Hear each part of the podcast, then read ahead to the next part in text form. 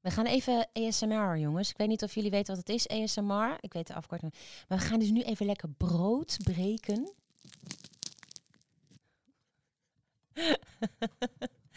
Oeh, dat klonk echt heel heerlijk.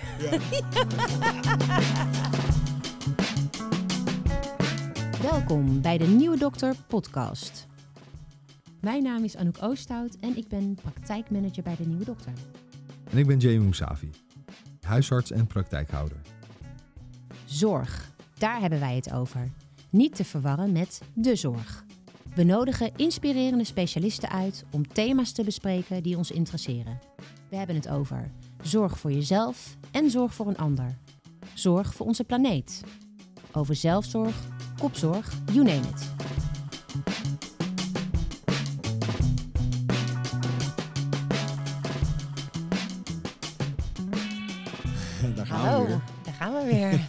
Welkom Joran. Ja, dankjewel. Hoe zit je erbij? Goed, denk ik. Ja. ja. Wij zitten vandaag hier met meneer Leffers. Yes. Voor mensen uit eh, eh, Den Haag, Rotterdam, Delft en omstreken kennen het misschien wel, maar misschien ook niet. Ik wel in ieder geval. Ik ook inmiddels. Waar ken jij het van? Van jou. Oké.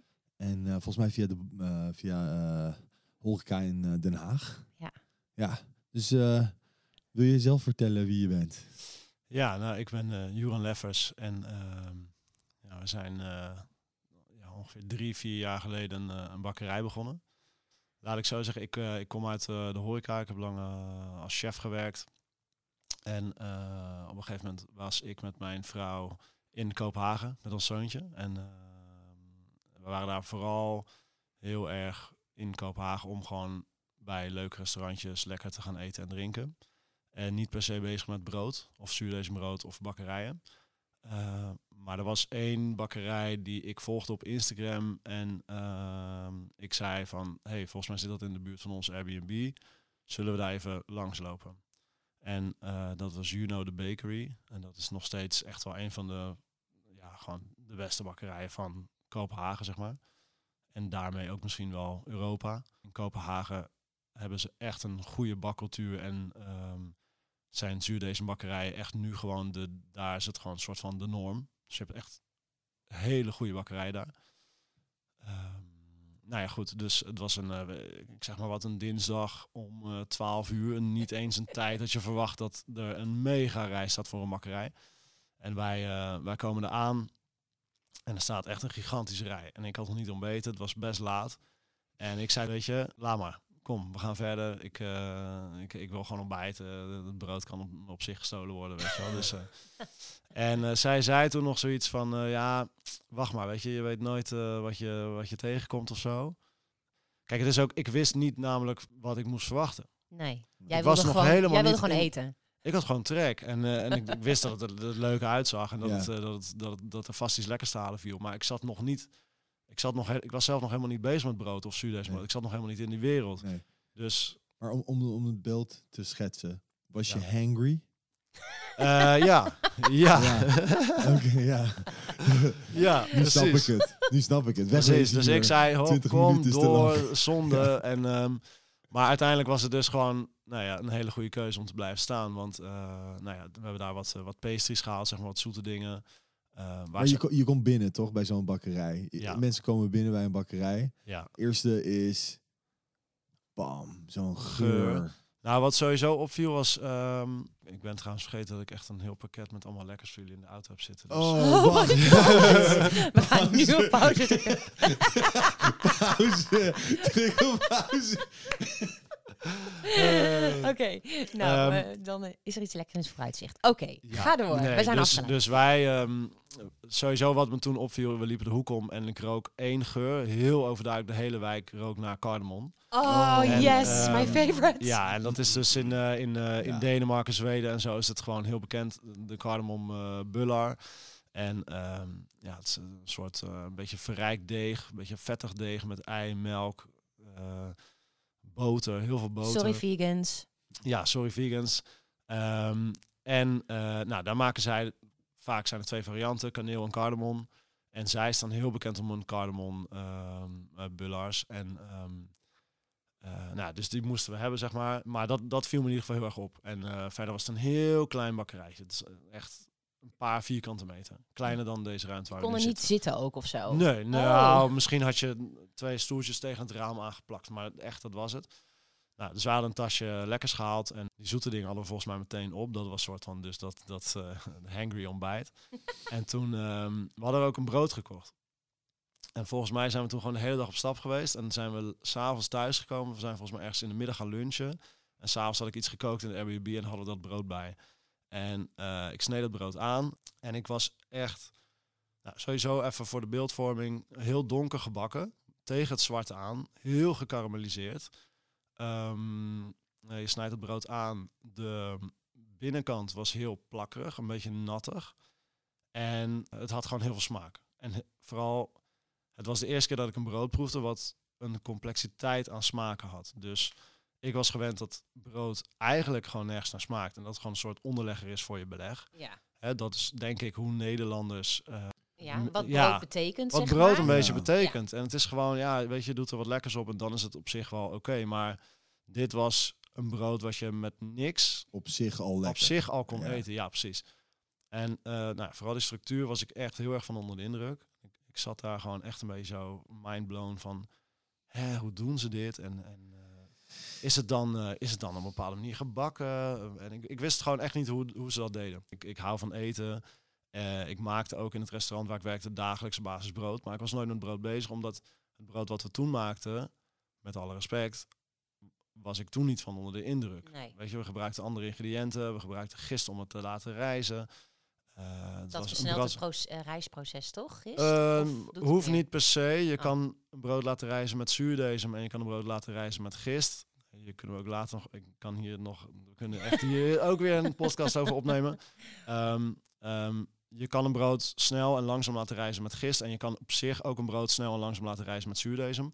Maar het belangrijkste is eigenlijk dat je een brood, in mijn mening, zeg maar, wil je een brood vooral niet te snel laten rijzen. Mhm. En eh, hoe langer dat proces, hoe meer smaken ontwikkelen.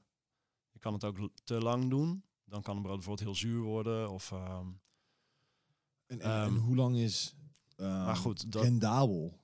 Snap je? Ik bedoel, als jij, Ehm. je kan niet de hele dag gaan wachten totdat je deeg is Nou. gerezen, toch? nou ja, op zich, jullie wel, toch? wij doen het wel. Oh, ja, real? het is een keus. Kijk, je hebt zeg maar de industrie. Hè? En dus waar ik net zei, van nou, wat, wat zijn wij gewend om te eten? Dat is brood wat gewoon machinaal, industrieel gemaakt is en eh, verwerkt is door machines. Daar komen bijna geen handen meer aan te pas. Ehm, er worden de goedkoopste ingrediënten gebruikt die ze kunnen vinden. En eh, een brood moet gewoon zo snel mogelijk vanuit die ene machine in de oven in de winkel liggen. En het gaat allemaal om één ding en dat is geld. Hè? Dus dat is gewoon de grote, de grote industrie. En wat deze mensen daar deden in Kopenhagen, en wij dus nu ook inmiddels, is ehm, brood maken met liefde, even zo gezegd. Brood maken ehm, waarin je sowieso de tijd neemt om het deeg de tijd, nodig, de tijd te geven die het nodig heeft om goede smaken te ontwikkelen. Maar ook ehm, eh, ja, de keuze van ingrediënten is super belangrijk.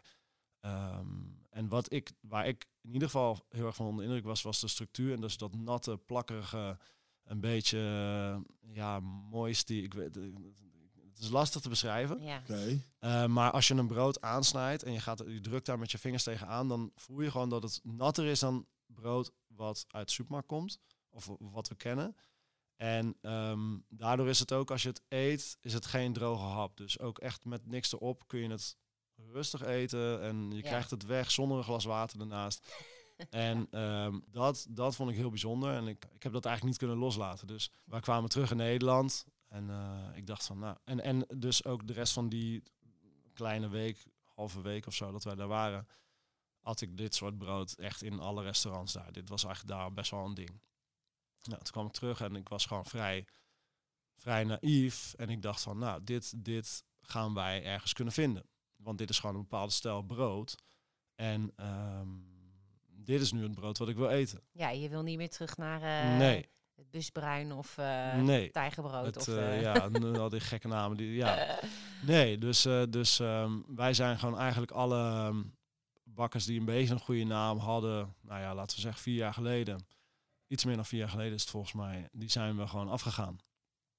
En nou, tegen, in die, die tijd kon je dus ook, uh, je, had, je had gewoon wat bakkers die, uh, er waren gewoon bakkers met een, met een goede naam, waarvan je wist dat ze zuurdezen maakten. Um, en, en die zijn we allemaal afgegaan. Maar dat was dan, je kocht dan zuurdezen, maar je had niet die, complexiteit aan smaken. Het was nog steeds droog. En uh, ja, dat was dan weer een zoektocht van, uh, van een maand of zo. En, en dat bleef nog steeds in mijn hoofd. Ik had ook een vriend in uh, Denemarken wonen. En ik had letterlijk, als hij dan in Nederland kwam, want hij is Nederlands, dan was het gewoon, kan je alsjeblieft een brood meenemen, want het wordt helemaal gek. En um, ja, toen zijn we daar gewoon verder ingedoken. Dus het is allemaal ook wel een beetje. Hè, mijn vriendin was hier lekker met mij. We waren gewoon echt met z'n tweeën vanuit huis en we werkten allebei. En we zijn op een gegeven moment gewoon aan de slag gegaan. En uh, boeken kopen, YouTube. We wisten op een gegeven moment wel een beetje van welke stroming bakkers maakten nou dit deeg. En uh, het geheim dus van die structuur en dat plakkerige is dat je een deeg maakt waar veel meer water op gaat dan een, uh, een brood uit de industrie. Dus wij zitten, laat ik even uh, grof, gezegd, zeg maar, wij zitten op een brood en daar zit op de verhouding droge stof, dus je bloem en meel, gooien wij 80% water. Oh ja. Dus dat is, hè, dus uh, ja, hoe zeg je dat? Uh, ja, 100% bloem op 80% water. Uh, en de industrie zit zeg maar op 50 of zo. Oh ja. Dus dat is zoveel lager. En daardoor is brood heel droog. Ja. Nauwelijks weg te krijgen, zeg maar, als je het eet. En uh, is dus dit wat nu dus een beetje de top van de bakkers is, in mijn ogen. Uh, probeer eigenlijk zoveel mogelijk water in het brood te krijgen, omdat je dan um, ja, een brood hebt wat ja, voor mij gewoon veel bijzonderder is qua structuur. Ook, ook als je dus oh. zo'n brood aansnijdt, dan merk je, merk je het ook aan het feit dat hij meer water heeft dan, toch? Ja. Want wat, ja. wat hoor je dan? Nou, Wat, wat je, eerst hoort is een hele knappige korst. Ja. Maar dat is weer een, op zich weer een ander verhaal. Wij willen gewoon een, een, een bijzonder... Kijk, we willen een brood met een soort van karakter, weet je wel? Dus uh, een, een korst die echt net zo donker is als die bakkerij toen in Kopenhagen. Dus het, het mag... Kijk, het moet niet zwart zijn. Maar het mag donker gebakken zijn, want dan gebeurt er wat interessants. Dan heb je zeg maar een Maillard-reactie en uh, er gaan suikers, die gaan, uh, er wordt omgezet in... Uh, of hey, je, ja, er ontstaan zeg maar suikers en, Ja. en dat, uh, die gaan karamelliseren. En die geven En natuurlijk ook weer smaak af. Die geven, ja, precies. Dus je hebt een Ja. zoetje. eh, Het wordt nee, soms een beetje tegen het bittere aan. Als je net een randje hebt van het brood wat dus wel net zwart is geworden. En dat is, vind ik dan juist heel interessant. Want eh, daardoor wordt zo'n brood complex. Nou, dan heb je nog de, de kruim. Dat is eigenlijk de binnenkant van een brood. Dat is, dat is in principe gewoon je, hè, je deeg. En dat moet dus een goede structuur hebben. Dat plakkerige. Maar wij maken dus een brood met zuurdesem. En zuurdesem is een heel complex iets. Ik weet er ook zelf niet eens, weet je, ik weet er niet alles van. Maar het is gewoon, even zo gezegd, als jij eh, bloem of meel eh, met water mengt. Eh, dat zou je nu kunnen doen in, in een potje. En je zet dat eh, drie, vier dagen weg in een donkere hoek. Dan komen er bacteriën Mhm. ehm, en gisten die van nature aanwezig zijn in de lucht. Die komen eigenlijk op dat papje. Ja. En die gaan daar mee aan de slag. En dat, op een gegeven moment gaat dat fermenteren. Mhm. En ehm, nou, dat zal na een paar dagen gaat dat echt een beetje de verkeerde kant op, zeg maar. Dan krijg je echt eh, geuren van blauwe kaas. En eh, ja, soms ook dat je. Ja, dat moet je voor zijn dus. Eh, nou, dan dat is echt als je je eigen deze maakt, je Mhm. eigen zuurdesem, Ja. dan is, dan is dat gaat nog goed. Ja? Maar ik moet wel zeggen, toen ik dat voor het eerst deed, wist ik ook niet wat ik aan het doen was. En ik heb drie of vier keer, hè, dus was je al een week of zo bezig, heb ik het steeds weggegooid omdat ik twijfelde. Omdat ik Mhm. het gewoon te heftig vond ruiken. Maar dat, is, dat, dat noem je je starter. Of, Ja, dit is dan echt als je het echt zelf gaat maken. Dus nu hebben wij in principe een, een, een gezonde, actieve starter. Die wij nu, dat gebruiken we nu dagelijks. Kijk, die eerste vier dagen en zo, dat is, dat is best heftig. Eh, wat je uiteindelijk wil gaan doen, is zeg maar 90% of zo daarvan weggooien. En dat hele kleine beetje, daar zit in ieder geval, daar is activiteit in ontstaan. Van gisten en bacteriën en eh, duizenden verschillende micro-organismen die bezig zijn in dat papje. Nou, dat ga je dagelijks weer aanvullen met weer een deel bloemwater. En dat blijf je verversen dagelijks. Sommige bakkers doen het één keer per dag, sommige twee, sommige drie. Ehm, en op een gegeven moment heb je een starter, inderdaad, die ehm, rijst en weer daalt. Dus Oh je, ja. je hebt een soort potje bijvoorbeeld. Je kan het ook in grote hoeveelheden doen. Kijk, nu hebben wij een starter staan per dag. Is, dat gaat boven de 30 kilo soms. Ja, ja, Maar toen had ik nog zo'n potje in mijn kast staan en dat, dat rijst en dat zakt. En ehm, eh, dat gebruik je, dat wordt je rijstmiddel. Ja, ja. Dus je kan eh, gist in een brood doen, maar je kan ook dat papje eh, mengen met je bloem en water.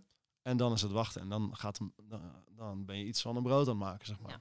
Nou, dus wat wij nu doen, en de- dus dat is ook weer wat ik belangrijk vind aan brood, zeg maar, dat die zuurdesem die geeft ook een veel complexere smaak. Ja, Gist is uiteindelijk, kijk, zuurdesem was ook veel eerder. Ik weet niet of ik dat helemaal goed zeg, maar volgens mij bestaat brood iets van 30.000 jaar en is er sinds 10.000 jaar of zo zijn er gerezen broden. Dat betekent dat er dus 10.000 10.000 jaar geleden is er iemand die een manier vond om brood te laten rijzen.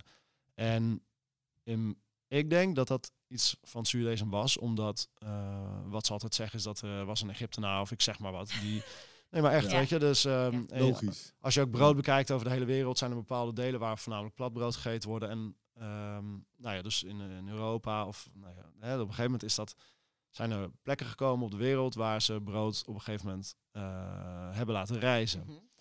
En eh, het verhaal is altijd een beetje van dat er een bakker een keer zijn deeg vergeten was voor een paar dagen. Mhm. Toen dat niet wilde weggooien en door een ander deeg heeft gedaan. Ehm, en toen merkte dat hij ineens iets aan het vermenigvuldigen was. En dat was natuurlijk magie in die tijd. ja. En dit was gewoon, eh, ja, dit was, Ja, ik kan kassa. me voorstellen dat het helemaal geweldig was. Ja, precies. Dus, ehm, ehm, nou goed, dus dat is zuurdesem. Ik denk dat gist, ik weet, ik weet dat niet, maar volgens mij is dat een, eh, hè, dus eh, in een zuurdesem vind je ehm, heel veel verschillende bacteriën, maar ook heel veel verschillende gisten. En volgens mij is de gist die wij gebruiken, als in de bakkersgist, is, is een geconcentreerde, uitgefilterde eh, soort gist. Ja, ja. Die dan alle eigenschappen heb, heeft die je wil hebben. Mhm. En dat heeft de industrie apart gepakt. En dat was natuurlijk ook weer een soort van yes. Ja. Precies. Dus eigenlijk is dat geweldig, ja. zeg maar, zuurdesem is de, na- de, de natuurlijke manier. Of je laat eh, hè, eh, het zijn werk doen. En gist is eigenlijk meer de synthetische manier. Ja, dat bestaat ook kunnen pas sinds de jaren 60, ja. 70 volgens Ja. mij. Gist. Oké. Maar wat ik dus eh, grappig vind, is als je microscopisch gaat kijken naar dit proces, Ja. dat het dus twee verschillende processen zijn. Zeker. Als je ja. gist eh, gebruikt om je deeg te laten rijzen, Mhm. dan eh, nou, dat doe je dus microscopisch gezien met een gist. En die, die zeg maar, de, de, de bijproduct van het vergisten van meel is ook, eh, nou, laten we zeggen, CO2 en gassen en noem het maar op. Als dat in je deeg gaat zitten, dan geeft dat ook dat, zeg maar, dat, Exact. dat rijzende effect. Maar als je nou met deze bezig bent, dan is het niet alleen zijn het gisten, maar ook bacteriën, Precies. en nou, weet ik veel, allemaal andere micro-organismen die datzelfde effect microscopisch geven. Ja. Maar dus een veel complexere Precies. smaak Ja. teweeg brengen. Ja. Wauw. Ja, dus bijvoorbeeld wat ze zeggen is, ehm, je hebt lactofermentatie. Dat is bijvoorbeeld fermentatie van zuurkool, kimchi. Hè, eh, in principe kan je elke groente, als je dat eh, in stukken snijdt en je zorgt dat die vezels een beetje kapot zijn en je gooit er zout tussen. En je zorgt dat het luchtdicht is of onder water staat, eh, krijg je lactofermentatie. Nou, zo is bijvoorbeeld hoe zuurkool gemaakt wordt. Eh, in zuurdesembrood zitten ook diezelfde bacteriën. En die zorgen niet voor dat een brood rijst, maar die geven dus wel weer ook die smaak. Ja. Daarom is een zuurdesembrood ook een beetje zuur. Ja. Sommige bakkers willen het bijvoorbeeld heel zuur hebben en anderen weer d- Zo. wel zuurdesem gebruiken, maar dat je dat niet kan proeven. En wij proberen daarmee te spelen in. Hè, wij hebben gewoon, nou, daar zijn we nog steeds elke dag mee bezig, maar wij willen een brood wat dus en een beetje zoet en een beetje bitter en de juiste structuur en een klein zuurtje. En Mhm. eh, ja, dat is wat wij super interessant vinden. Want, want door dat zuurheid, w- bewaar je dan brood ook wat langer? Kan, kan het langer bewaard worden? Ja. Blijft het verser? Ja, Dus het is ja. in principe duurzamer om te maken. Ja, ja. En, en de hoge vocht, eh, het hoge vochtpercentage van de deeg heeft daar ook nog iets mee te maken. Mm. Zoals je, als wij een brood bakken, zou, ik, ik zeg altijd tegen klanten, je kan het gerust vier, vijf dagen laten liggen. Mhm. Ehm, natuurlijk, het droogt iets uit. Dus ik vind het altijd lekkerst om weer even in de oven te gooien als je het, eh, als je het eh, weer vers wil hebben. Ja. Maar je hoeft niks weg te gooien. En ehm, daar komt dan ook weer bij kijken, zeg maar, de industrie, ja, die willen natuurlijk allemaal E-nummers en dingen toevoegen om dat brood goed te houden. En Ja. wij gebruiken letterlijk, hè, je hebt een graankorrel, eh, dat gaat naar de molenaar, dat malen ze. Als je een hele graankorrel maalt, wat voor graan dan ook, rogge, spelt, tarwe, eenkorn, weet je, dat, eh, daar zijn heel veel soorten van. Eh, als je dat maalt en je gebruikt dat, dan heb je volkorenmeel. En als je dat door een zeef haalt, en dan zeef je bepaalde bestandsdelen eruit, dan hou je bloem over. Dat is een beetje de witte bloem die we kennen. Ehm, ehm, ik moet heel even nadenken wat ik Ja, Wa- zeggen. Wat de industrie doet, is dan je bloem weer eh, verbranden. Of tenminste iets Ja, aanbakken. Ja, zij zodat doen het het, weer inderdaad. bruin lijkt. Ja, dat is ook weer anders. Dat is weer een toevoeging van mout. Oh, shit. Ja, ja nee, maar is dat een klopt. trucje, toch? Dat Dat is een klopt. Ja, het is bruin brood is in principe niks. Bruin brood kan een Nee. Mensen denken dat bruin brood gezond is en dat wit brood ongezond is. Het is het, kijk, ik zeg niet dat het één, weet je, het, het kan gezond zijn, maar het is niet dat het gezond is. nee En het heeft er allemaal gewoon mee te maken. Dus eh, dat wilde ik zeggen. Dus je hebt volkorenmeel en je hebt bloem. En dat zijn gewoon eigenlijk twee dingen waar wij mee werken. Dat kan je mengen in een bepaalde verhouding. Weet je, je doet een brood met 100% volkoren of je doet een brood met 100% bloem of je zit daar ergens tussenin. En dat is afhankelijk van smaak, struc- structuur, eh, voedzaamheid. Weet je, dat, dat, dat, dat kan je, daar kan je mee spelen. Je, het kan allebei van 100% bloem ja, gemaakt zijn. precies. Alleen als jij iets kleurt met mout, en mout is weer een ander proces, dat zijn hele granen die ze laten ontkiemen, daarna heel donker gaan branden en dat dan weer fijn malen. Dan heb je een soort ja, bruin richting zwart poeder. Voeg je toe aan je deeg, wordt je deeg bruin, Ja. dus wordt je brood ook bruin. Ja. Maar ik bedoel, zelfs mijn moeder bijvoorbeeld, die echt heel veel van eten weet, die zei vroeger tegen mij dat ik bruin brood moest Ja. eten. Ja. En nu weet ik gewoon van dat dat eigenlijk allemaal altijd gewoon... Kijk, Tarwe, hoeft- tarwebloem is. En niet volkoren tarwebloem. nou, het kan dat het verkoren, dat het verkoren was. Alleen, ik denk het niet. Nee. maar dat staat toch ook op zo'n v- verpakking dan? Ja, ja, ja, je hebt, vast. je hebt, ja. eh, je Ja. bruin brood in de supermarkt. Daarachter staat tarwebloem. En dan Ja. is het bruin. En dan kijk ik altijd naar de rest van de ingrediënten. En dan staat daarbij, inderdaad wat jij zegt, vloergemout. Ja. Weet je wel, Ja. ka- eh, dus dat, karameltinten, dat doen ja. ze er ook bij Ja. soms. Suikers. Dus dat is, Ja. dat is niet zo eerlijk voor Ja. de consument. Nee, ik denk dat ook eh, dat de, de kennis over brood in Nederland is super laag. Ja, Weet je, en ehm, ik denk dat ook iedereen er soort van wel schuldig aan is. Ik bedoel, ik ga ook echt niet zitten verkondigen dat ik alles wist toen ik begon met bakken. Want eh, eh, ja, je wordt inderdaad gewoon een beetje misleid. Een wit brood, bruin brood, volkoren, zuurdesem. eh, Mhm. En mensen denken dat het allemaal een soort van een, een type brood is. Maar eigenlijk, en ehm, nou, dat was volgens mij een beetje mijn punt. ik wilde zeggen van, wij maken een brood met dus twee dingen. Eh, Dat is bloem of meel. Eén van die twee, of allebei, of eh, dus eh, dat. Eh, water en zout. Dat is wat wij nodig hebben om brood te maken. Ja. En, en Geen tijd. suikers, geen Nee, E-nummers. niks, Nee. niks. Drie bestandsdelen, water, zout en een graan. Ja, en tijd, zei je. En Dat is een tijd, mooie, ja, ja. dat is, eh, dat, daar zit geen, eh, ja, ja. Dus ehm, En je kan het zo maken dat het lekkerder is dan welk brood dan ook. we kunnen het lekkerder maken, langer houdbaar, voedzamer, eh, gezonder, nou, noem het maar op. En, en, maar goed, dat heeft natuurlijk een prijskaartje. Wij- Wij zijn 24 uur met een brood bezig. Eh, eigenlijk langer, want we hebben onze starter ook nog. En die, daar beginnen we al een halve dag eerder mee. Dus laten we zeggen, van echt start to finish zijn we anderhalve dag met een brood bezig. En ehm, ja, en willen we gewoon super goede ingrediënten gebruiken. Eh, bloem die steengemalen is op een molen, op molenstenen. Ehm, in plaats van gewalst door de industrie. Dus dat is een beetje wat jij noemde ook van... eh, ja, die, die hele grote bedrijven hebben een heel andere manier om bloem en meel te maken al. Dus dan, ja, als je, die ingrediënten zijn alweer zoveel industriële verwerkt voordat er brood van wordt gemaakt. En daarnaast dat brood ook industrieel verwerkt. Dus wij gebruiken al ambachtelijke ingrediënten als wij beginnen. En daarna zijn wij er ook weer op een ambachtelijke manier een brood van aan het maken. Ja. Ja. ja, kijk, het is gewoon eigenlijk heel simpel. Je hebt dus bijvoorbeeld de Juno waar wij waren in, in Denemarken. En je hebt nu, het is nu veel groter aan het worden dan toen wij het voor het eerst daarmee bezig waren. Dus nu heb je gelukkig veel bakkers in Amsterdam, Rotterdam, Den Haag. Hè, dus nu begint het ook een beetje te landen in Nederland. Hoe denk je dat dat komt? Is dat trend of eh, is dat ook Ja, mensen bewuster worden Kijk, van... dingen waaien sowieso over. Dus toen wij begonnen moesten we echt... Wij keken naar bakkerijen en dat is dus vier jaar geleden ongeveer. Je had toen denk ik twee of drie mensen in Amsterdam die dit deden. Mhm. Deze stijl. Ja, En daar zijn we dus ook op een gegeven moment naar moeten zoeken. Nou, op een gegeven moment weet je een beetje wie dat zijn. En neem je wat contact op. En eh, ook eh, een paar keer meegelopen met iemand in Amsterdam. Ehm, maar het was gewoon nog, het was, het was gewoon nog, je moest echt goed zoeken. ja. Ehm, ja, het, het, het is echt overgewaaid vanuit eh, andere landen. Dus in, in eh, Amerika was het al best groot. Daar is sourdough echt wel een ding. ja. Ehm, in Engeland zijn ze er al langer mee bezig. In Frankrijk, weet je. Dus eh, ja, dat heeft gewoon tijd nodig. Ehm, maar ik denk zeker dat ook gewoon de verandering van de wereld en eh, mensen die bewuster bezig zijn met hun eten. Eh, ambacht krijgt sowieso weer een wat meer prominentere plek eh, in mensen hun voorraadkastjes, zeg maar. Weet je, we, we- en ook niet voor iedereen, en dat is ook prima, weet je wel. Maar er zijn mensen die willen gewoon om een zaterdag met de boodschappentassen erop uittrekken om naar de bakken te gaan, naar de wijnboer, naar de kaasboer, eh, hun eieren halen op een biologische boerderij, ik zeg maar wat.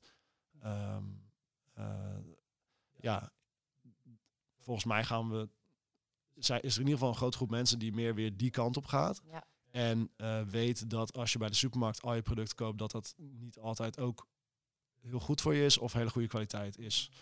Ehm, ja, en die Nutri-score op je, op je eten in de supermarkt is ook een beetje eh, discutabel natuurlijk. Ja, maar niet om, om, om supermarkten nou af te Nee. kraken. Want kijk, Nee. eh, ja, het is een convenience. Dus eh, ja, het, het Tuurlijk. maakt het leven makkelijker. Weet je Ja. wel, het zit om de hoek. Het is vaak goedkoper dan bij de bakkerij. Zeker. Dus ik bedoel, ja, wat, Ja. eh, Ja, maar dat is een- niet voor iedereen weggelegd. eh. Precies. Wat is niet voor iedereen? nou ja, wat... Zuurdezenbrood. Ja, bijvoorbeeld. Ja. Ja, of wat jij net beschrijft, hè, zo'n Ja. de bewustwording en de leefstijl Juist. van Ja. ik wil in het weekend eh, erop uit op Nee. de markt en Nee. eh, lekkere producten Ja, het kost dus ook, het kost je letterlijk een halve dag Mhm. om al die winkeltjes af te gaan. En Ja. daarvoor is de supermarkt natuurlijk op een gegeven moment gekomen. Dat Ja. is, het, is, het, is, het is geweldig. Ja. Ja. Ehm, maar goed, weet je, iedereen moet altijd natuurlijk gewoon helemaal doen wat ze zelf willen. Maar ik denk dat dit er wel, ja, je merkt gewoon dat, dat er een kleine verschuiving is, Ja. laat ik het zo zeggen. Ja. En dat er meer mensen zuurdezenbrood zelf gaan, zijn gaan maken, heeft ook wel een boost gehad in coronatijd. Ja, Toen heel veel mensen thuis zaten. En daar zijn wel veel, is in ieder geval wat meer kennis over brood ontstaan. En zijn ook wel wat meer eh, thuisbakkers of, of gewoon kleine bakkers eh, eh, uitgekomen, zeg maar. ja. Dus meneer Leffers, hoeveel betaal ik voor een zuurdezenbrood in jouw bakkerij? Eh, ja, nu een beetje tussen de 5, 6 euro. Voor één brood? Ja. Schrikken mensen daarvan? Soms. En in het begin eh, moest ik ook, dacht ik in ieder geval dat ik dat moest uitleggen, zeg maar, verantwoorden. Maar tegenwoordig, ja, kijk, dat is ook wat ik zeg, zeg maar, de mensen die ons brood willen kopen en ook snappen hoe het gemaakt wordt, wat de ingrediënten zijn die gebruikt worden, ehm, en die ook verder eh, dus bij dit soort andere ambachtelijke winkels kopen, die weten al dat de prijs hoger ligt. Dus dat is geen punt. Die, die hebben het ervoor over. Daarnaast, ja, wij zeggen echt gewoon, wij willen elke dag, wij willen gewoon het allerlekste brood van de hele wereld maken. Mhm. Elke dag weer, zeg Lukt maar. dat Dus, wel eens? nee. nee, dus, de, nou ja, tuurlijk. de- kijk, we, we zoeken een soort van naar perfectie eh, Ja. elke dag. En ehm, ja, dat is ook weer een ander verhaal.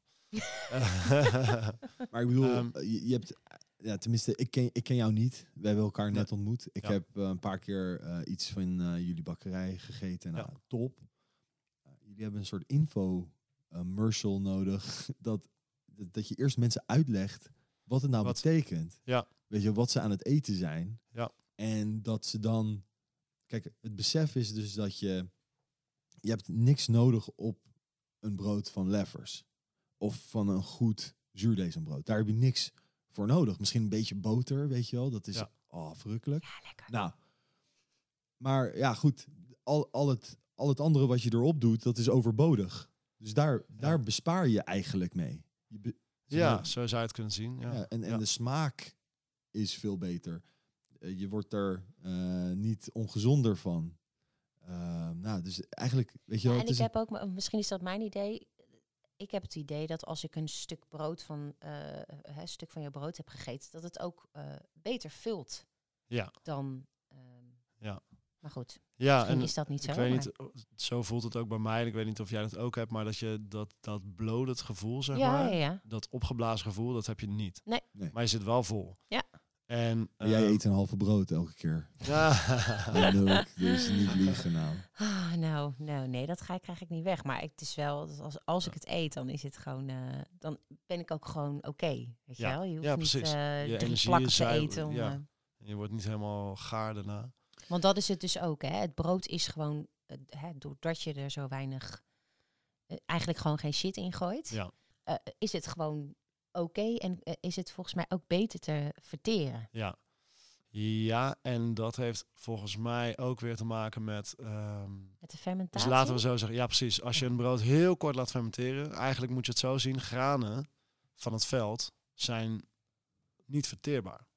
We kunnen niet nu even een hand rauwe tarwe gaan opeten. Nee. Tenminste, dan krijg je buikpijn. Ehm, Als je het heel goed koudt. ja, volgens mij krijg je gewoon buikpijn. En, Punt. eh, Nee, we hebben, we hebben En je iets moet- in, ons, in ons speeksel wat, eh, wat eh, graan kan afbreken. Dus koolhydraten ah, kan zo, ja, afbreken. ja, ja. En dan Ja. hebben we ook nog een maag. Ja. Daar zitten heel veel zuren in. Dat kan, Ja. dat kan graan ook weer Ja. af. Maar het Ja. is niet fijn. Nou ja, kijk, natuurlijk, weet je, we, we eten granen al zolang, eh, volgens mij sinds dat de mens bestaat, we rijst, tarwe, het is allemaal in principe hetzelfde. Eh, het zijn allemaal grassen. Ehm, eh, nou ja, goed, hoe, wat ik denk te weten is dat zeg maar als je een brood, hè, dus als je rauwe tarwe, je gaat het malen en eh, daar maak je een brood van en je laat dat heel kort eventjes rijzen, zo kort als je maar kan en je bakt het, dan valt dat anders op de maag dan als jij een brood, ik zeg maar wat, 24 uur weglegt voordat je het gaat bakken. Ja. Ja. Die fermentatie doet iets met dat brood. En of dat nou de gisten zijn of bijvoorbeeld die andere bacterie waar we het net over hadden van lactofermentatie. Ook zuurkool is een ander ding op de maag dan een rauwe kool. Ja. ja. En eh, dit is ook wat er in ons brood gebeurt in 24 uur. Ja. En eh, als je dat versnelt, kijk, we zouden ook kunnen zeggen, ja, we maken een zuurdesembrood, er zit geen gist in, er zit geen E-nummers in, maar we laten het één uur rijzen voordat je het bakt, dan weet ik zeker dat jij dat het echt niet zo lekker gaat vallen op de maag als, eh, hè, dus voor, in mijn ogen heeft het gewoon tijd nodig. Ja. En is dat, dat is natuurlijk, nou ja, nummer één voor ons is gewoon smaak. Wij willen gewoon het allerlekste brood maken, dat is gewoon waar het vandaan komt, maar eh, ja, ik vind het wel een soort fijne bijkomstigheid hoe het op de maag valt, of het gezond is, eh, hoe, hoe, je je voelt als je op een dagelijkse basis ons brood eet. Ja. Ehm, Ja, en, en dan is is het wel even, dat gaat over ons brood, hè, want wij maken ook chocoladekoeken met suiker en boter. en, eh, Hell yes. en ja, precies. Dus ehm,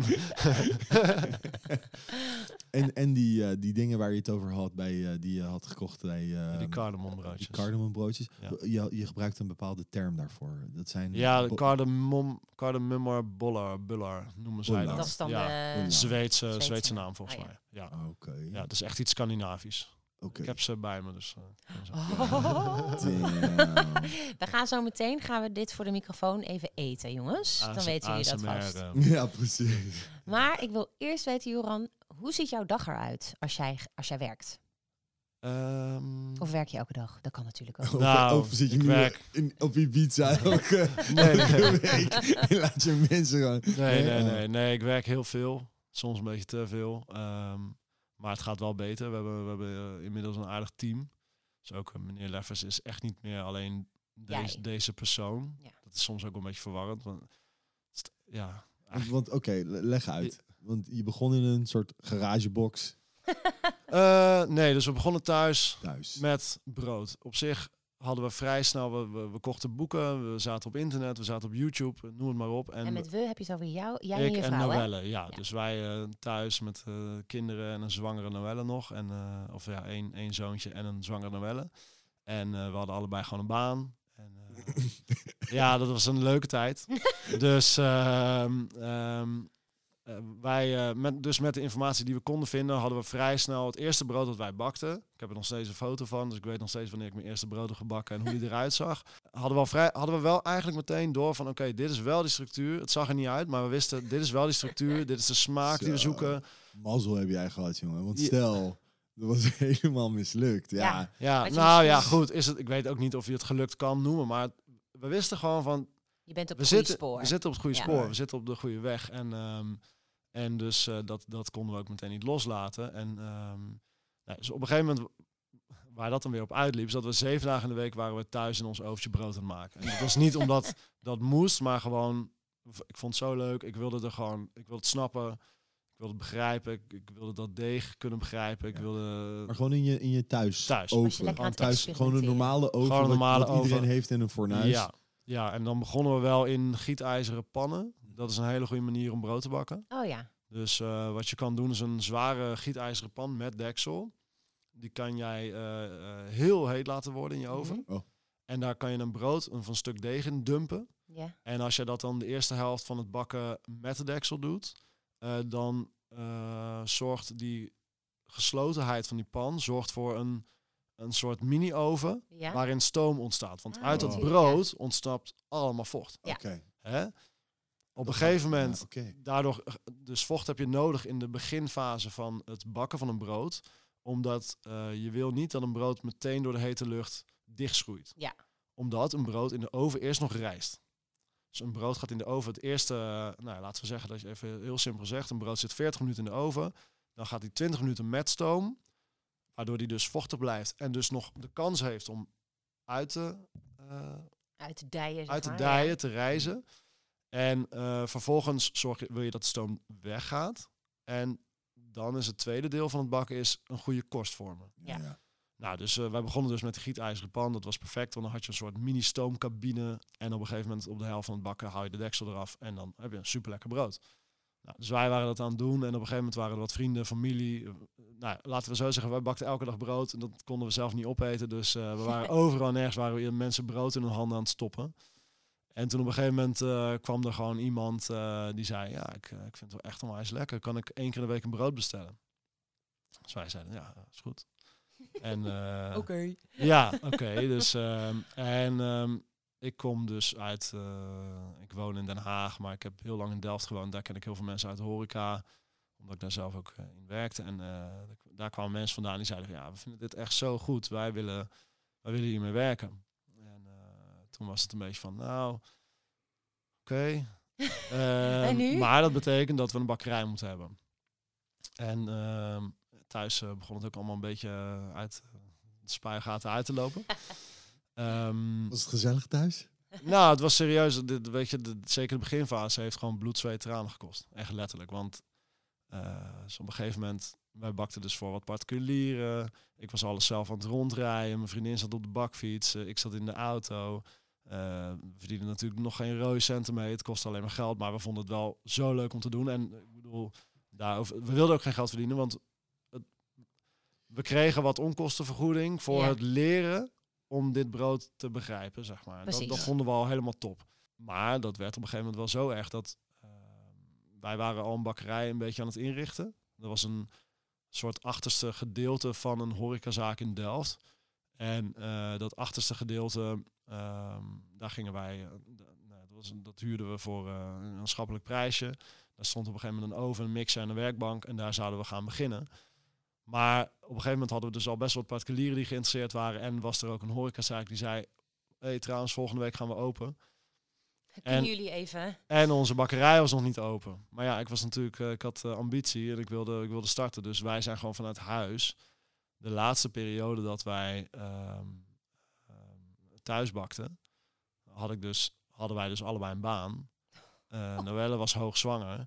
En waren wij zeven dagen in de week waren we brood aan het maken, bakken en leveren. Kan, Eh, nonnen. naast onze baan. Dus om even te schetsen hoe mijn dag eruit zag. ik eh, werkte toen freelance als chef, kok, zeg maar, een beetje voor grote cateraars. En daarnaast deden we wat eigen catering. Eh, ook ik en Noelle samen. En we bakten brood voor degene die dat besteld hadden. Ik stond om ongeveer drie uur, vier uur op. En dan ging die oven thuis aan. Ochtends, Dan ging ik een paar uur lang al die broden bakken. En dat, al die broden, het waren er max tien of zo. Dat, dat, meer kon ik gewoon niet doen. En eh, vervolgens ging ik dat rondbrengen. Mijn vriendin die ging om eh zeven uur, half acht naar werk. Even denken, dan was ik nadat ik die brood had gebakken rondgebracht. En dan eh, ging ik naar werk. Was ik de hele dag aan het werk. Knallen met borden uitgeven in, in, nou ja, een, een of andere grote cateringklus. En dan kwam mijn vriendin thuis om een uur of vijf. Draaide zij gelijk een deeg. En dan kwam ik thuis om een uur of elf, twaalf s'avonds. En dan ging ik dat brood vormen en dat ging in manden. En dat ging dan weer de hele nacht koud. En dan ging ik weer om drie uur op. Oh man. dus ik heb Hoe lang net- heb je dit gedaan? Ja, ik denk een maand of één, twee. Dat was ook gewoon... Dat is De een, max toch? Dat, ja, dat, dat houdt niemand vol. niet. Dat Nee, houdt niemand vol. Dat was echt omdat we... Ja, weet je, achteraf gezien, achteraf gezien denk je ook wel eens... Ja, heb ik dat, dat, nou, was dat nou echt nodig? Maar ik- ja, ik vond het wel leuk. Ik, ja, ik haalde de energie uit en... eh, ja, het was super pittig. Alleen... ehm, ja, het was, ik bedoel, je hebt, soms heb je gewoon ook een soort aanloop naar iets toe nodig. Ja. En ja, we wilden gewoon beginnen en eh, we waren er toch al mee bezig. Dus ja, zo is het gewoon gelopen. Op een gegeven moment was onze eigen bakkerij af en toen stond ik daar fulltime. Dat was ook anders, weet je. Ik was daar fulltime. ehm, ja, misschien was ik wel 30 broodjes per dag aan het bakken. Dat, dat stelde ook nog niet veel voor. Weet je, daar kan je dan in principe ook nog niet van leven. Maar toen, eh, dat was weer het eerste deel van het ondernemerschap, zeg maar. Dus eh, ja, toen stond ik daar broodjes te bakken, leveren, zelf bakken, elke dag zelf bakken, zelf deeg draaien, zelf leveren. En op een gegeven moment werd dat drukker en eh, nou, dan kan je een eerste personeel aannemen. Dat heeft geleid tot nu, zeg maar. Ja. En was dat ook wel je idee? Had je zoiets van toen je hè, thuis zo aan het bakken was, dacht je ook van ik ga, wij gaan een bakkerij openen. Dat gaat gewoon gebeuren. Of is dat gewoon organisch zo? Nee, Nee. ja, dat is echt organisch gegroeid. Eh, nee, echt nog steeds denk ik wel eens van, hè, waarom, hè, wacht, ik heb een bakkerij en ik ben bakken en eh, hoe is dat eigenlijk gelopen? En, eh, omdat, ja, de, weet je, de laatste drie jaar zijn ook gewoon, het is ook gewoon, gewoon rennen vliegen geweest. Mhm. En corona erbij en, weet je, twee kinderen, eh, veel werken. Maar ja, wel eens, ik bedoel, ik vind het super vet wat we doen. En Ja. weet je, nu is het ook weer een hele andere fase. Nu hebben we iets van 12, 13 man personeel. Ja, Jongen, en, ja. en staan we nu op twee locaties. En eh, dat moet ik managen en ik moet zorgen dat dat allemaal goed gaat. En dat de rekeningen betaald kunnen worden. En, eh, hè, en, en daar zit, nou ja, goed, dat, dat, ja, daar zit een aanloop eh, tussen. Maar hè, dat is gegroeid. En daarin zitten ook weer allemaal leerfases en Ja. stappen die je maakt. En ook weer wat bloed, zweet en tranen. en, ehm, maar ja, vind het gewoon tof wat we doen, weet je. We, zijn, Mhm. we, we willen gewoon het beste brood maken. En eh, dat, daar, ja, daar zijn we gewoon elke dag mee bezig met het team. En eh, we hebben allemaal super gepassioneerde mensen die echt helemaal voor brood en eten gaan. En Zijn- hebben zij dan hetzelfde allemaal, erin eh, staan als ik, zeg maar. Ja, hebben zij dan allemaal een soort van koksachtige achtergrond? Of gaat het, is het echt meer Nee. passie voor brood en... Nee. Nee, nou hebben we ook. Maar ja, over de bakkers gesproken loopt gewoon heel erg uiteen. Ja. Ik had op een gegeven moment was er een moment dat bijna iedereen die bij ons werkte universitair gestudeerd had. Ja, En ik heb dat niet. ik heb ooit een HBO-studie gedaan, zeg maar.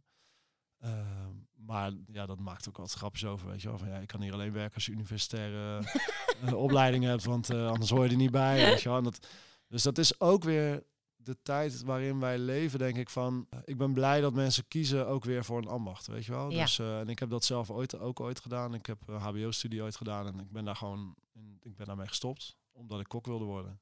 ja. Ik heb echt bewust voor gekozen. Hè, ook weer soms stond eh, mijn moeder, die, eh, die vond het verschrikkelijk. Die wilde gewoon dat ik een diploma had en eh, kansen. En, eh, maar ik zei gewoon van ja, ik wil gewoon, ik wil doen wat ik leuk vind. Ik wil niet doen wat, weet ik veel. Wat, Jij leuk vindt.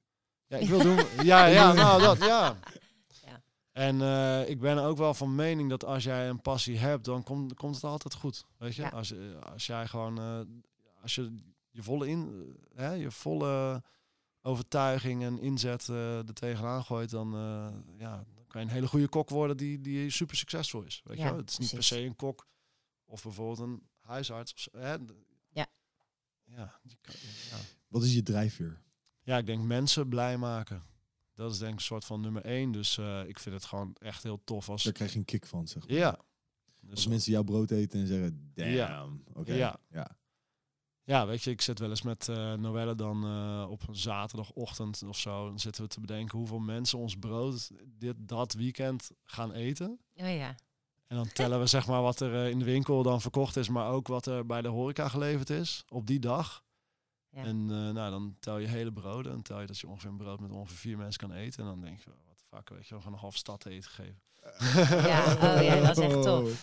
Ja. Ja. ja. En eh, ja, gewoon een lange rij voor de winkel. Mensen die super blij zijn. Weet je, de afgelopen zaterdag sta ik zelf in de winkel en dan komt er een vrouw binnen en ik zeg van, hé, hey, hoe is het? En zij zegt van, ja, het gaat super goed natuurlijk, want het is weer zaterdagochtend. Ik ben mijn favoriete bakken. Ik kom lekkere Ja. dingen halen. Ja, dat is leuk. zeg maar, wat wil je nog meer horen? Weet je, dat is gewoon het, ultieme. Weet je, als jij een soort van gelukje in hun dag kan zijn, Mhm. dat is toch vet, zeg maar. En, ehm, ja. en dat, dat krijgen we ook echt van mensen terug. Van, weet je, wij, jullie verkopen geluk. Mhm. Sowieso. Wij komen Ja. met een brood thuis en het is zondagochtend en we gaan dat met z'n allen aan tafel eten en iedereen is blij. Ja, Nou ja, iedereen geniet ervan. ja. Ja. En, en, en staat er ook zo'n rij, net als in eh Ja, nou ja, zeker. Weet je. We hebben, Nee, we joh. hebben- nou ja, we hebben het druk gewoon. Dus, eh, Lekker man. en het is eh, en ook weer natuurlijk afgelopen jaar is ook raar gegaan, want we zijn nog ges- gestart, deden we voornamelijk horeca. En op een gegeven moment ging de zaak waar wij achterin eh, de oven hadden staan, die ging stoppen door corona. Weet je, Mhm. er was gewoon daar geen manier om met anderhalve meter daar iets van een lunchzaak of zo te draaien.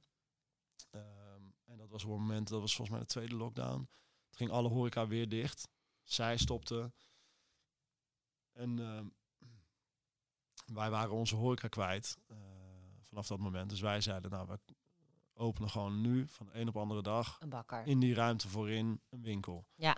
Nou, Een is- winkel, winkel, ja. een winkel, ja. Dus ja. eh, wij zijn eh, echt gewoon, echt letterlijk de dag erop zijn we een winkel begonnen. Dus eerst zaten we gewoon een tafel neer met een mandje erop met wat broden. ja. Eh, jongens, vanaf nu zijn we open. Kom maar, kijk maar of je wat eh, wil kopen. Ja. En dat is ook weer gewoon echt heel druk geworden, echt uit de hand gelopen. En ja, nu zijn we gewoon wel een serieuze winkel, zeg maar. Dus, en inmiddels doen we ook weer de horeca erbij. Ja, ja. En is, is corona hopelijk ook even... Hè, kan iedereen lekker open blijven en, en kunnen we en horeca eh, leveren en, eh, en de winkel gewoon... eh, Ja. Mensen de winkel blij maken. Dus, eh, Mooi. En, en moet je nog actief je product bij restaurants en dat soort dingen wij pushen, hebben Of, Ja, ja wij hebben eigenlijk nooit eh, actief dat gedaan. Omdat het gewoon, eh, het ging best snel. En wij zaten gewoon met een beperkte capaciteit. En eh, nou ja, we hebben het altijd, we hebben altijd geprobeerd ja te zeggen. Dus we hebben nooit, nou ja, zo min mogelijk gezegd van sorry, we kunnen dat, die, dat kunnen we gewoon nu niet leveren, zeg maar. Maar omdat we dus niet actief op zoek gingen, groeiden we gestaag en konden we dat ook wel leveren. Ehm, Ehm, ja, nee, dus dat gaat eigenlijk via mond op mond, weet je. Dus bijvoorbeeld, er is een chef en die, eh, die zit bij een zaak te eten. Ik zeg maar wat, een chef die bij een bepaalde zaak zit, die eh, werkt en die gaat bij een andere zaak eten. Hij proeft daar ons brood. Hij zegt tegen de, de chef van die zaak, wat de fuck is dit voor brood? En die chef zegt, nou, dat is meneer Leffers. En de volgende dag krijg ik een belletje. Ja, ja, zo ja, kan het zo gaan. Gaat zo het. gaat het. Via via. En ja. ja, weet je, we proberen gewoon kwaliteit te leveren. En, en de mensen die dat kunnen waarderen, ja, daar krijgen we gewoon belletjes of mailtjes van. Ja. Dus eh, Mooi zou- zeg. ik zou zo nu en dan wel nee zeggen tegen iemand. gewoon voor de... Ja, maar gewoon voor de fuck of it. En dan wat je dan krijgt is urgency. Weet je, die Oh, mensen, ja, ja. Ja. man, die mensen Ja. die willen dan, hé, wat? Uitverkocht? Ja, alles is Ja. uitverkocht. Oh, nou, kijk, dat, is, dat is ook wel weer. Kijk, op zich, dat, weet je, die gedachte, dat, dat, die dragen we ook wel een soort van uit. Want kijk, in onze winkel, omdat wij zoveel tijd en aandacht en liefde in dat brood stoppen, willen wij niet ook weer zoals vroeger de bakker op de hoek, dat jij om vijf uur binnenkomt en dat van elk brood een schap nog vol ligt. Ja, ja. Mhm. Wij willen gewoon eind van de dag leeg zijn. Als het een Ja. beetje kan, willen we gewoon leeg zijn. Want als wij brood overhouden, dan is het gewoon heel duur ja. Ja. om dat de prullenbak in te, te smijten. Nee, Plus dat gewoon- mijn hart kan het gewoon Ja, niet nee, aan. nee, ik snap het. sowieso. Ik heb ook echt een hekel aan Dus, waste. ehm, Ja, en Mijn dan, man die is altijd heel erg, die irriteert zich altijd mateloos aan alle bakjes met folie die er in de, in de koelkast staan. Maar ik kan gewoon niet een beetje pap van 's ochtends van mijn dochter weggooien. Denk ik, Nee, ja, ja. eh, iemand gaat het misschien nog opeten, Ja. weet je wel. ja, dat, dat Ja. woordje is deze. ja, Dat pak Ja, je, nou, letterlijk. Moet je, je hem uit, uit de koelkast halen. Zo. ja. Maar er zit dan ook banaan bij in. Krijg je bananenbrood. Mm, Ja. Bananen deze. ja. Nou ja, zo, zo maken ze ook starters met fruit. Oh ja, En zo ontstaat ook alcohol. Als jij een, een bak met fruit eh, in een Oh. hoekje wegzet, dan Ja, eh, gaat ook alcohol. Ja.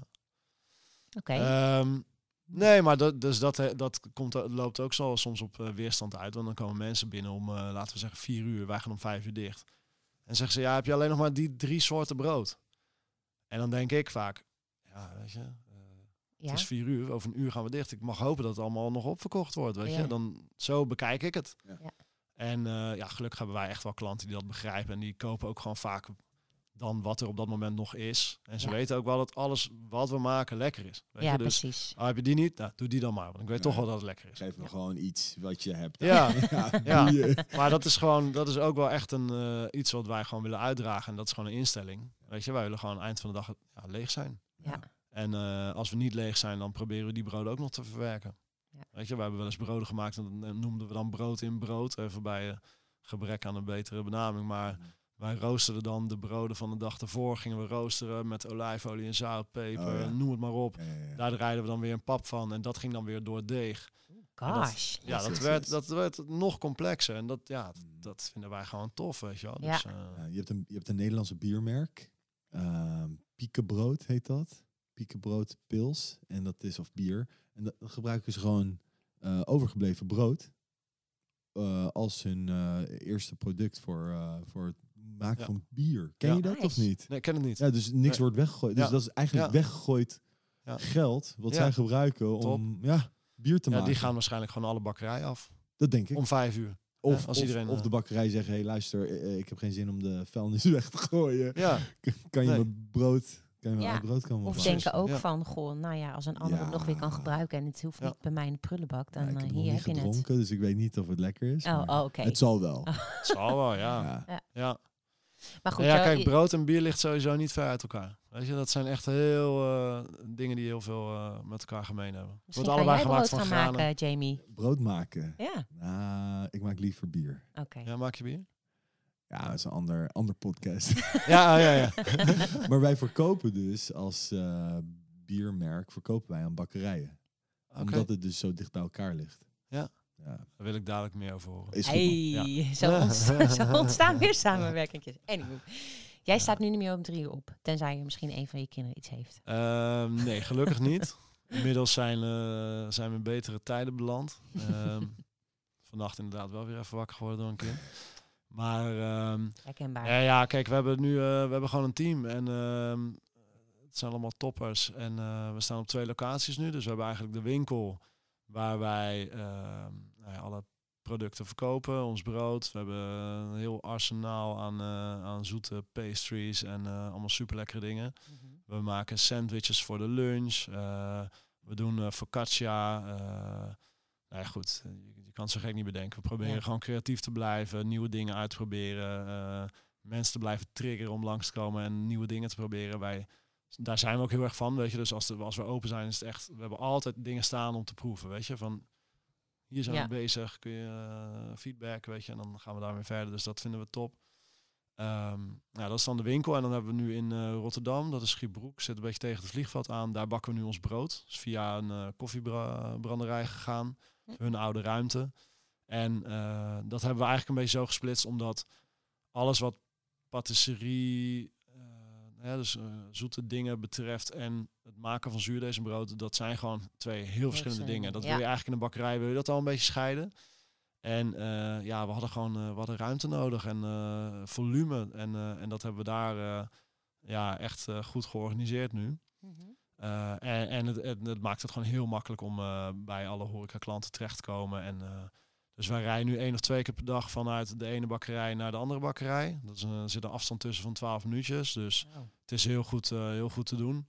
En uh, we proberen ook echt zo laat mogelijk te beginnen met bakken. Dus uh, als het brood in de winkel is, dan is het echt letterlijk nog soms te warm om in de kast te leggen. Oh ja, ja. Dus, Oh. dus het is echt... eh, ja, het komt zeg maar kwart over acht uit de oven. En dan gaan we om negen uur open. En dan ja, kwart voor negen ligt in de winkel. Dus dat gaat, dat, zo gaat het echt. En, Ik weet nog dat ik bij jou in de bakkerij was, in Delft. En dat ik mensen daar bezig zag met, uh, volgens mij was het met de buns.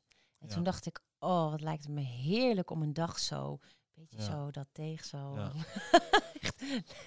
Ja, nee, maar dus door die uh, organisatie heb ik inderdaad nu wel een beetje een ander leven. Weet je, Ja. ik ben nog steeds, uh, weet je, dadelijk ga ik waarschijnlijk nog en in Delft werken en in Rotterdam op één dag, zeg maar. En uh, daarna kom ik thuis en dan moet ik weer een nieuw contract gaan opstellen voor nieuw personeel. En Oh, ja. uh, facturen moeten gemaakt worden. Dus het is nog steeds hartstikke druk, maar het is allemaal niet meer zo uh, extreem. Ja. Nee. En uh, dat is fijn. Sorry, Ja. ga je gang. Nee, ik had... Eh, nee, maar ehm, waarom is er geen Leffers bakkerij in elk eh, stad? Dus waarom hebben, heeft Den Haag geen Nou, Leffers? eh, kijk, we zijn, we zijn drie jaar bezig. En in die drie jaar zijn we... Hè, dus we zijn drie jaar bezig. Laat ik dat even... Hè, in die drie jaar zijn we een soort van horecaleverancier geworden. We hebben personeel aangenomen. We hebben een winkel gestart. We hebben een nieuwe bakkerij geopend in Rotterdam. En eh, het is gewoon er nog niet van gekomen. En eh, ik vind het leuk hoe we nu ontwikkelen. Ik vind het leuk hoe ik ontwikkel als zeg maar van soort van chefie die een bakker werd. Chefie. Ja, die een bakker werd na een soort van ik ben nu een werkgever en ik eh, dat zijn weer hele andere problemen en dingen waarmee je dealt. En eh, maar dat vind ik super tof, weet je. Ik kom steeds in een soort van nieuwe fase. En, en dat, dat, dat komt ook door die groei. En eh, wij hebben zeker nog ambities. We gaan ook zeker nog wel nieuwe dingen doen. Eh, maar gewoon ja, alles op zijn tijd. Ja. En ehm, En welke... we zijn nu net op een punt gekomen dat bijvoorbeeld Noël en ik en onze twee zoons zijn afgelopen zomer voor het eerst een vier jaar op vakantie geweest. Oh, wauw. Ja. Dus we zijn, we zijn dan afgelopen jaren steeds één week vrij geweest met kerst en dat was het. Oh ja. En dus we zijn nu voor het eerst echt weg geweest. De zaak heeft doorgedraaid. Dus we hebben gewoon mensen echt eh, die verantwoordelijk zijn, die, die dat helemaal zonder ons hebben gedraaid. En daar zijn we super dankbaar voor, weet je wel. En Ook maar- wel trots, denk ik, toch? trots, eh, Ja. dankbaar. Ja, en, en- maar weet je, het was ook heel hard nodig. Die- ja, Want als jij ik. blijft rennen en rennen en, en, en je hebt kids en, en ik bedoel, het is niet alleen dit. Hè. Het- je bent niet op twee locaties aan het werk en wat ik zeg en de facturen en de dingen. En dan kom je thuis en dan heb je twee, eentje van vijf en eentje van twee. Ja. Dan moet ook gewoon gewassen en gekookt en eh gedoucht en tanden je hele gepoetst. en, eh, huishouden. En, Sorry, maar eh, dat is het allerbelangrijkste, denk ik. en, dan. dat is, ja. en dat is het ook nog. En dan denk je, ja, weet je, we hebben een bedrijf, maar het is ook natuurlijk gewoon maar werk. Dus eh, weet je, we gaan gewoon organiseren dat wij, dat je een, je wil een leven leiden dat je wil leiden. Hè? En, en daar moet een soort Ja. van werk, eh, ja, daar moet je werk voor gaan inrichten. Mhm. Je moet je leven inrichten. En dat, eh, kijk, in het begin, dat hoor je van alle ondernemers, de eerste paar jaar is het gewoon knallen. Weet je, Ja. rennen, vliegen. Dan gebeuren er onvoorziene dingen. eh, je werkt heel hard, je maakt heel veel uren. Maar hè, dat is in ieder geval wat ik hoor. Weet je, op een gegeven moment Ja. heb je het door, je ga je wat structuur aanbrengen. Ja, precies. En, eh, Mooi. maar ja, we zijn ambitieus, weet je. Dus eh, ik heb, ik Welke, heb echt, ro- welke rol past jou het beste? Daar ben ik wel nieuwsgierig van. Want jij, je bent hè, van, nou ja, van chef, van het ontwikkelen van ideeën naar ook nu een werkgever, zeg maar. Dus Ja. daar komen allerlei eh, administratieve, zakelijke dingen bij kijken. Ja. Welke rol past jou het best? Ja, ik moet zeggen dat ik daar bijna dagelijks over nadenk. Dus dat ik daar gewoon heel veel mee bezig ben en dat ik het soms ook niet weet. Eh, maar wat ik denk is dat... Kijk, ik ben natuurlijk ook niet voor niets soort van uit de schoolbanken. En eh, ik heb een kantoorbaan gehad. En ik ben op een gegeven moment chef geworden. Ik, ik ben wel iemand die... eh, ik heb echt mijn hersens nodig. Dus ik wil, met, ik wil uitgedaagd worden. Maar ik wil ook fysiek bezig zijn überhaupt, weet je, er moet gewoon geld verdiend worden. Dat vind ik interessant. Dus dat zou ik ook wel ergens soort van iets in me hebben. Ehm, ik, maar ja, ik vind het ook super leuk om met mijn handen in de deeg te staan. En ik vind het heel leuk om nieuwe dingen te maken. Dus creatief bezig te zijn. En eh, ja, Ja. dat zijn in ieder geval de dingen waar ik nu heel veel erg van geniet.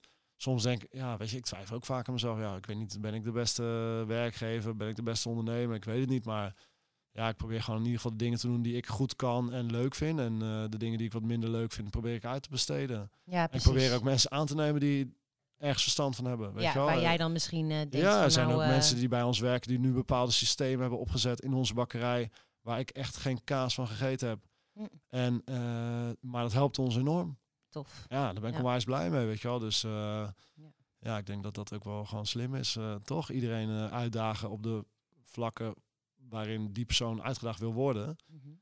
Hè? En dan kan die daarin uitblinken en, en ehm, echt iets toevoegen. En ik voeg dingen toe die ik goed kan of zo. Ja, dat, eh, Maar geen één-nummers. dus, eh, en nooit één nummers. Alsjeblieft. Volgens mij wordt het tijd dat we dat we Iets gaan gaan beleven. Ja, en dan gaan we je daar nog eventjes eh, mee- over laten mee eh, genieten, Leuk. luisteraar. Leuk.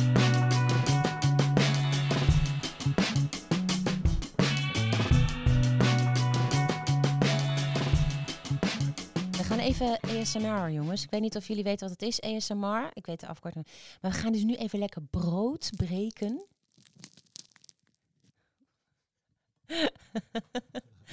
Oeh, dat klonk echt heel heerlijk. Ja. Doe het nog eens. For real? Ja, ja. Zo klinkt dus het brood van meneer Leffers, Ja, jongens. Top. Wat voor brood eh, eten wij nu? Eh, ja, dit is een. ehm, even kijken, ja, dus eh, eigenlijk hebben we een soort basisdeeg. En dat is dan, eh, nou ja, dus, dus wat ik zei, gerezen op basis van zuurdesem, veel water in het deeg.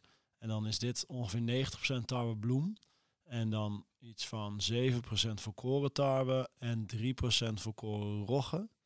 Dat is dan waar het deeg uit bestaat. En dan mengen, daar mengen we later nog een, een, een, een mix van zaden. En dat zijn dan iets van eh, acht, acht soorten zaden. Die dan eerst weer geroosterd zijn, vervolgens geweld in water. En dat voegen we dan weer toe aan het deeg. En dat geeft dus nou, dat extra water. Dat willen we, weet je. We willen dat het zo nat mogelijk is, niet droog.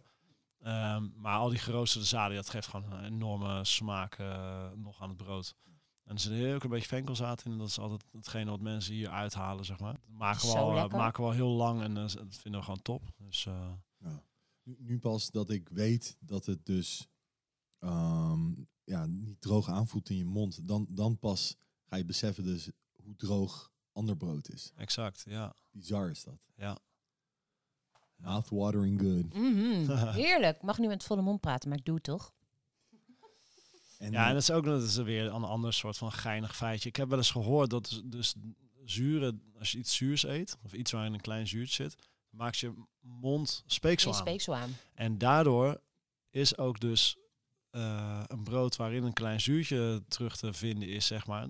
Ja, dat eet ook weer makkelijker, omdat je mond weer speeksel aanmaakt tijdens het eten. Dus dat, ja, dat, dat helpt gewoon allemaal. Ja, klopt helemaal wat hij Wauw. zegt. Ja. Want als je een, ehm een speekselsteen hebt, dan hoor je ook zure dingen te eten. Wacht een speekselsteen? Ja, ik, eh, Oké, ben nu, nu wordt het eh, ma- ja, je, je maakt speeksel aan in een Ja. speekselklier of speekselklieren. Daar kan, een, daar kan in zo'n gangetje van zo'n speekselklier, daar kan een steentje in vormen. Mm. Heb ik eens gehad. Oké. Mm. Ja, het advies is dus om zure dingen te eten. En dan, dan krijg je dus inderdaad meer eh, door. eh, het spoelt dan door. Ja, omdat er meer wordt aangemaakt. Ja. Zijn we Ja. ook nog eens medisch bezig, jongens? Ja, dat is toch top? Oké, Super. Om ja. even wat minder medisch bezig te zijn. Ik zie ook allemaal zoete dingen hier. Want Ja. ja. Dat hebben we vergeten te zeggen. Maar oh nee, dat weten jullie wel. Doen we ook, ja. Mm, Ja, nee, Ik dus de, de, de, de- de bullars waar we het over hadden, Ja. zeg maar. Ehm, ja, dat is eh, ja, ook, weer, ook weer puur ambacht, want we, we draaien dan één dag een deeg. Eh, dat, en dat is dus een beetje een verrijkt deeg met eh, eieren, melk, eh, ja, best wel wat vette bestandsdelen, zeg maar. Ehm, in dit gaat trouwens gist en deze. Dus wij, al ons brood is 100% zuurdesem. We doen nooit iets van gist in ons brood. Maar in alle patisserie, zoete dingen doen wij, ja, gebruiken we ook gist of bakpoeder of ik zeg maar. Omdat wij ook vinden dat dat, dat hoeft voor mij niet per se zuurdesem te zijn. Omdat ook, ja, het is echt wat je kiest voor smaak, weet je. En wij, wij, wij willen gewoon in een brood, willen we dat zuurtje terugproeven. Maar in iets zoets hoeft dat niet per se. Dus nou ja, goed, dat, eh, dat is anders. Ehm, nou, we draaien een deeg. Dat staat ehm, een nacht koud. De volgende dag rollen we dat deeg uit. Dan smeren we een dikke laag boter gemengd met kaneel of cardamom en eh bastardsuiker eh, eroverheen. En dat, dat, dat vouwen we eigenlijk in een soort laagjes. En dat, daar maken we weer stroken van. En die stroken die knopen we. Ja, En dat heb- zag ik dus in de bakkerij toen. Toen dacht ik, oh, dat lijkt me een heerlijk werk. Ja, is het ook. Ja. Maar ook dus weer, voordat dit broodje uiteindelijk op je bord ligt, is het gewoon weer, zijn we drie dagen verder. Ja, Ja. Dus eh, dat is echt die tijd. Ja. En eh, aandacht. En, eh, zo ik ga even een Ja. stukje snijden. Die venkel in je brood. Is dat een soort eh, seizoensgebonden iets wat, je, wat jullie doen? Want ehm, venkel is meer een soort najaarskruid, toch? Oké, nee, dat wist ik niet. Ja, we gebruikten gedroogde venkelzaden. Dus dat zal in principe er altijd zijn. Eh, ja, het is op zich, dat heeft ook wel weer een grappig verhaal. Wij ehm, maakten deze broden. En ik had vanaf het begin af aan een klein beetje venkelzaad erin gedaan. Omdat ik dat zelf gewoon heel lekker vond. En toen ehm, kregen we op een gegeven moment de feedback van ja, dat zadenbrood is wel heel lekker, maar die venkel is, ja, dat is wel zo specifiek, dat moet je niet doen, weet je, want er zijn mensen die dat echt niet lekker vinden. En toen hebben wij die week erop of zo, hebben wij de venkel eruit gehaald. En toen kwam er een partij kritiek en allemaal mensen die zeiden, ja, het venkelbrood is niet meer hetzelfde. Weet je, dus mensen gingen het ook zelf het venkelbrood noemen. Terwijl wij maken gewoon een mix van zaden en er zat toevallig venkel in. En ehm, ja, we- we- er was echt eh, heel veel kritiek over. Dus eh, wij, hebben het, wij hebben het weer erin gedaan. En nu is het gewoon, weet je, dit, dit, het hoort er gewoon bij.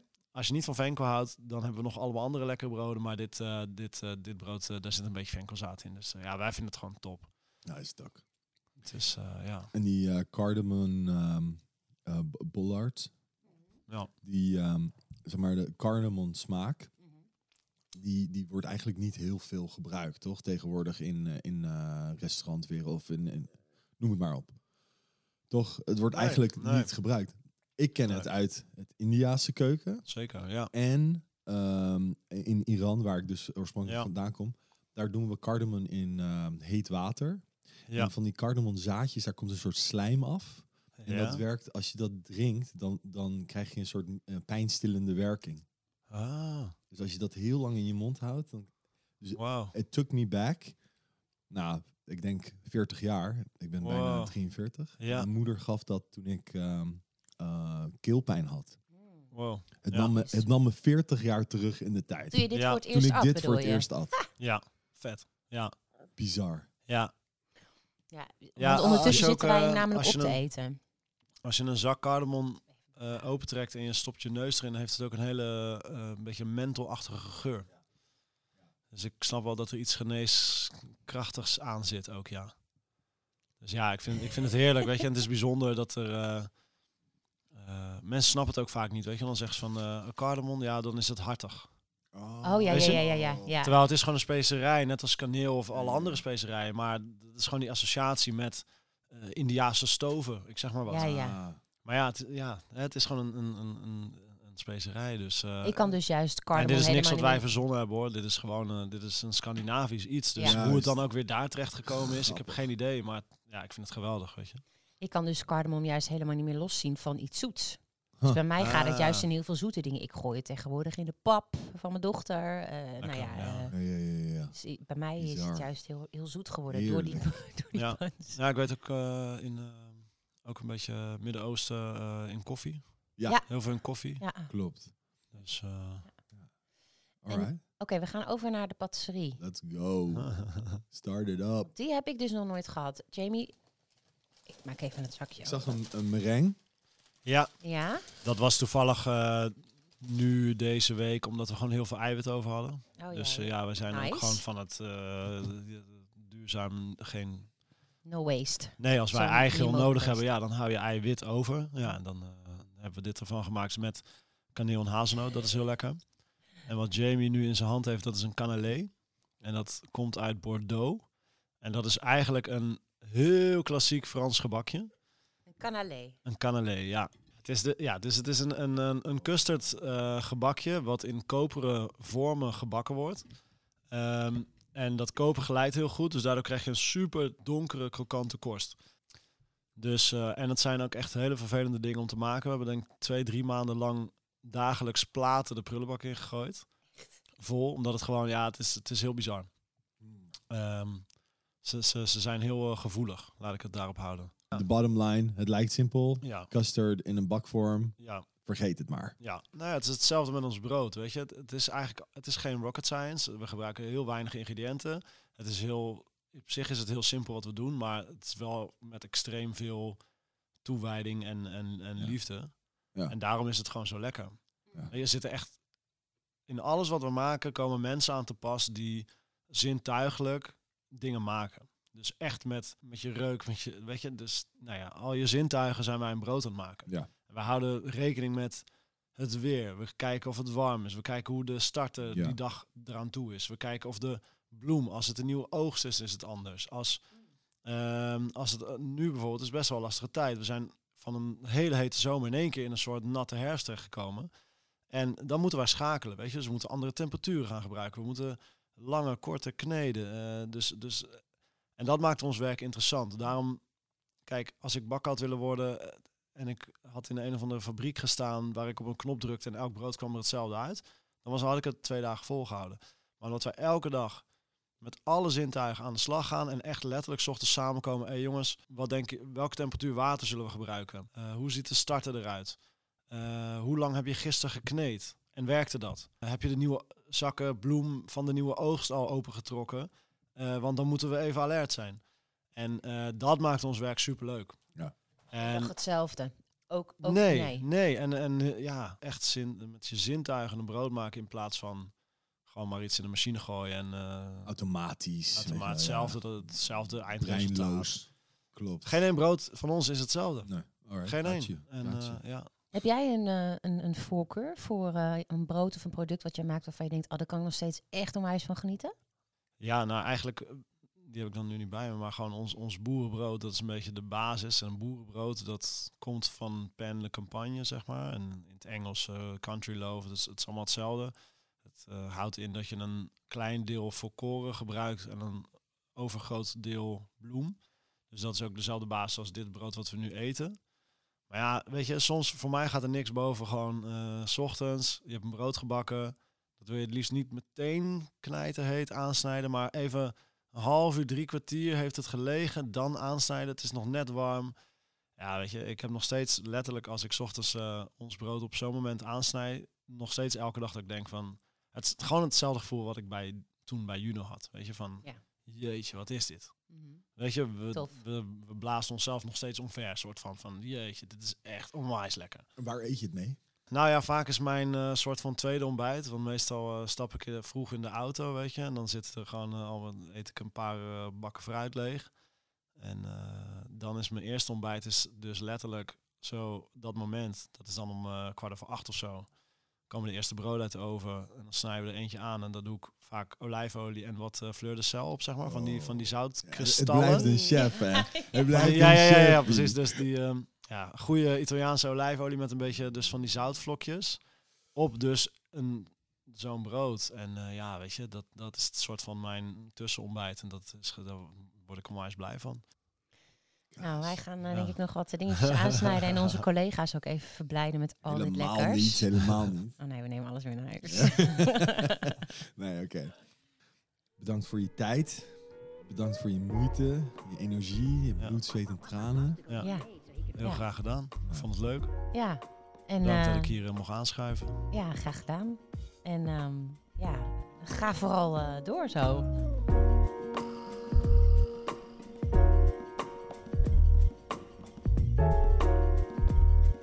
Je luisterde naar de Nieuwe Dokter podcast. Volg ons op Spotify voor updates over nieuwe afleveringen. Ook op Instagram, Facebook en LinkedIn is de Nieuwe Dokter te vinden. Heb je naar aanleiding van deze aflevering vragen? Schroom niet en mail naar info@nieuwedokter.nl.